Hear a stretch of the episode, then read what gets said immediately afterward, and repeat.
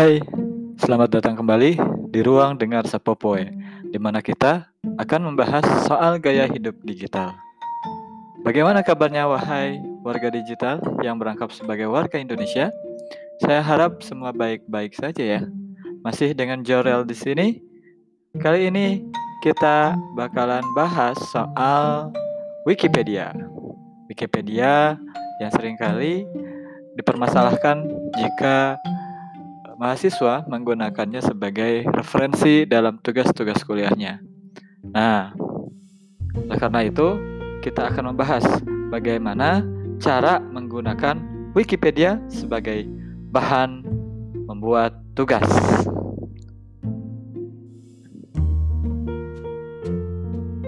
Sebelumnya, saya ingin bercerita nih soal pengalaman waktu saya kuliah. Jadi kita waktu itu, maksudnya kami waktu itu di kelas jurnalistik, hampir di setiap pertemuan uh, kelas atau kelas itu pulang dengan membawa oleh-oleh berupa tugas. Hampir di setiap pertemuan membuat saya gagal untuk langsung beristirahat atau langsung nongkrong sesampainya di kosan. Ditambah dengan tugas organisasi yang juga tak selesai-selesai. Saat saya mendapati waktu luang setelah beraktivitas seharian, saatnya istirahat. Eh, nugas kuliah deh. Mau tidur pun, ancaman pengurangan nilai nyatanya cukup efektif membuat kami mengalahkan kantuk. Apalagi mengingat di ujung perkuliahan, kami terancam mengulang mata kuliah yang sama bersama adik tingkah. Wah, ini bukan pilihan. Oleh karena itu, eh, setelah pulang pulang aktivitas seharian tersebut, kami coba bersih-bersih dan setelah badan wangi, bersih, enakan, saya biasanya mencoba kontak kawan sekelas mencari sekelumit sinyal WiFi. Jika tak dapat, terpaksa harus jalan ke kampus. Meski agak menanjak, mau tak mau harus kami tempuh. Berkawankan angin malam, laptop kami taruh di atas meja taman kampus. Menyalakan wifi, mulai deh. Buka bioskop streaming. Eh, tugas, tugas maksudnya tugas. Saya mulai dengan membuka Google. Saya masukkan kata kunci dan ketika masukkan kata kunci, enter, saya temukan di barisan paling atas Wikipedia. Kalau sudah paling atas, biasanya susah untuk kita tolak. Kemudian saya buka. Nah, ini dia yang saya cari. Namun, sejenak teringat hari ini di kelas, tugas hasil pegang semalaman salah seorang teman ditolak oleh dosen dan menjadi semacam pemanis tambahan alias revisi. Kata dosen, Wikipedia itu tak bisa jadi rujukan, tidak kredibel. Akhirnya Wikipedia urung saya buka dan kembali ke laman pencarian Google. Saya scroll dan coba membuka katalog yang tersedia. Namun, sumbernya tak ada yang relevan dengan kebutuhan tugas kali ini. Terpaksa, saya menggunakan kata kunci pencarian dengan bahasa Inggris.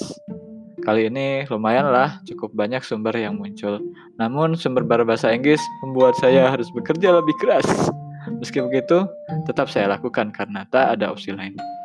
Sejenak kemudian, yang muncul di barisan paling atas ternyata tetap bersumber dari Wikipedia. Ya, setidaknya ada sumber lain lah ya selain Wikipedia. Mamam tuh teks bejibun bahasa Inggris. Saya menggerutu pada diri sendiri. Namun, demi masa depan lebih cerah, tak apa. Anggap saja makanan bergizi yang memang biasanya tak mengalahkan secara mie instan. Ngomong apa sih? By the way, memang Wikipedia sama sekali nggak bisa kita pakai buat referensi tugas kuliah kah? Oleh karena itu, mari kita bahas. Wikipedia terbuka bagi siapa pun, termasuk dapat mengubah isinya. Nah, ini dia merupakan salah satu karakter dari tiga karakter utama Wikipedia. Karakteristik Wikipedia ini yang kemudian menjadi masalah utama kredibilitasnya. Terbuka dal di dalam hal ini maksudnya siapa pun yang mempunyai akun maka ia dapat mengubah atau mengedit konten atau artikel di dalamnya. Artinya Ada kemungkinan jika yang menulis atau mengedit itu uh, tidak expert di bidangnya. Karena sifatnya ini, Wikipedia tak jarang digunakan oleh sebagian orang yang kreatif dalam tanda petik untuk melakukan prank pada kawannya. Mengutip Hasan Khan dari Siva College kalau menjawab pertanyaan soal mengutip Wikipedia pada laman tanya jawab researchgate.net. Ia mengatakan, meski Wikipedia merupakan sumber informasi favorit saya, artikel yang tersedia, tersedia di dalamnya tidak selalu ditulis oleh para ahli. Siapa pun dapat memodifikasi isinya dan saya kenal beberapa orang yang memodifikasi artikel untuk mengerjai teman mereka yang akibatnya mereka diblokir beberapa saat oleh Wikipedia. Hasan juga menerangkan, seandainya semua tulisan dibuat oleh ahli sekalipun dan belum ada yang memodifikasinya, artikel tersebut belum melalui tinjauan dari ahli lainnya dengan prosedur yang uh, ketat. Oleh karena itu, meski kita dapat menggunakannya sebagai sumber informasi yang cepat, namun ia tak akan pernah bisa menjadi situs informasi ilmiah yang otentik dan kredibel. Namun pendapat lain juga masih di kolom tanya jawab di researchgate.net ada uh, yang juga memberikan jawaban kali ini dari Sean, Sean Leons dari Universitas of Guelph berpendapat sedikit berbeda. Menurutnya, pada dasarnya Wikipedia tidak mengandung interpretasi di dalamnya. Wikipedia merupakan kompilasi fakta-fakta dan argumen. Apa pun yang terjadi di Wikipedia mungkin saja diungkapkan secara lebih rinci di tempat lain yang memungkinkan sudah ditinjau oleh sejawatnya. Soal penggunaan Wikipedia sebagai referensi untuk karya akademis, sebenarnya Wikipedia sendiri mengakui jika ia memang tak bisa menjadi sumber untuk tujuan tulisan akademis maupun riset. Wikipedia berkembang di kalangan akademis, katanya, mulai dari mahasiswa baru hingga guru besar terkemuka. Namun, sebagai sumber informasi tersier yang mudah kita akses tentang apa saja, dan sebagai referensi yang siap saji untuk memahami konsep atau ide awal saja. Wikipedia sumber informasi awal, bukan sumber itu sendiri. Dalam satu jurnal ilmiah berjudul Undergraduates use of social media as information source, para peneliti yakni Kyun Sun Kim dari Universitas of Wisconsin, Sai Ching Sin dari Nanyang Technological University, dan Yun Yong Yoli dari North Carolina Central University mengungkap fakta jika Wikipedia merupakan media sosial sumber informasi yang paling banyak digunakan mahasiswa tingkat sarjana. Totalnya mencapai 98,6%. Sedangkan yang berikutnya ialah jenis social network service atau SNS seperti Facebook, Twitter, dan lain-lain dengan total 95,7%. Para peneliti juga mengungkapkan, jika Wikipedia digunakan mahasiswa paling sering untuk mendapatkan informasi awal. Total skornya 3,8 dari 4. Maksudnya tingkat kepuas uh, tingkat seringnya gitu ya. Jadi kalau 4 itu sering banget gitu. Nah, ini uh, fungsi Wikipedia sebagai informasi awal bagi mahasiswa nilainya 3,8. Disusul berurutan yakni untuk mendapatkan ulasan singkat dengan jumlah 3,76, mengecek informasi faktual 2,8, untuk menemukan solusi permasalahan atau solusi praktis yakni how to 2,3 dan terakhir untuk update informasi atau berita 1,78. Soal menggunakan Wikipedia, uh, sebenarnya di halaman di salah satu halaman Wikipedia kita dapat menemukan semacam panduan soal bagaimana menggunakan Wikipedia. Walaupun tidak disebut panduan sih dalam artikel tersebut, namun buat menurut saya ini bisa menjadi uh, panduan kita soal bagaimana menggunakan Wikipedia agar aman dari uh, revisi atau tugas revisi dari dosen. Pertama, jadikan Wikipedia sebagai sumber awal untuk kemudian kita telah lebih jauh. Jangan jadikan Wikipedia sebagai rujukan utama. Kemudian secara teknis artinya kita jangan cantumkan Wikipedia sebagai uh, referensi pada daftar pustaka.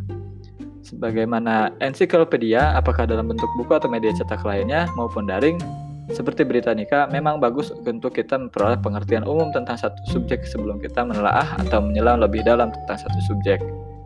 Nah, itulah uh, ensiklopedia. Kemudian yang kedua, kita mesti menyalakan kekritisan kita. Ingat, semua sumber sudah seharusnya kita evaluasi. Wikipedia juga bukanlah pengganti yang sepadan sebagai sumber bacaan yang dapat disetujui oleh dosenmu. Bagaimanapun, editor yang merangkum tulisan pada Wikipedia mungkin saja melakukan kesalahan selaku manusia.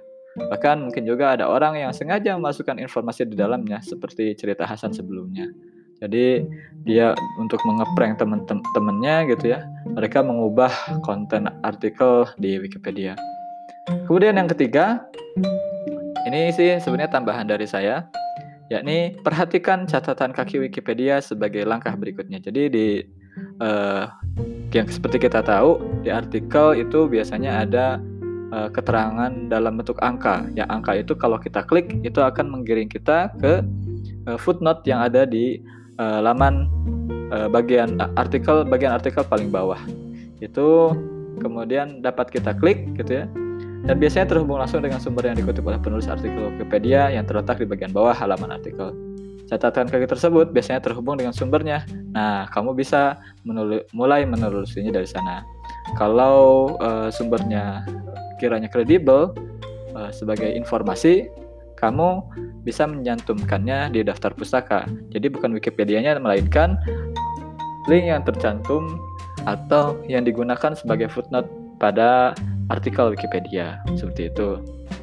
Nah, belakangan Wikipedia sendiri mengembangkan satu sistem gitu ya untuk uh, dap sebagai sarana uh, sehingga Wikipedia ini menjadi dapat menjadi ekosistem yang uh, makin kondusif kali ya, yakni dengan menghadirkan uh, featured dan good articles. Jadi featured artikel dan good article ini adalah semacam judgment atau uh, jenis artikel yang sudah melalui atau sudah melalui screening oleh para Wikipedian yang kriteria ini kemudian menjadi acuan bagi para editor Wikipedia yang editor Wikipedia ini dari kalangan Wikipedian juga sih untuk menjadikan artikel masuk dua kategori yakni featured dan good.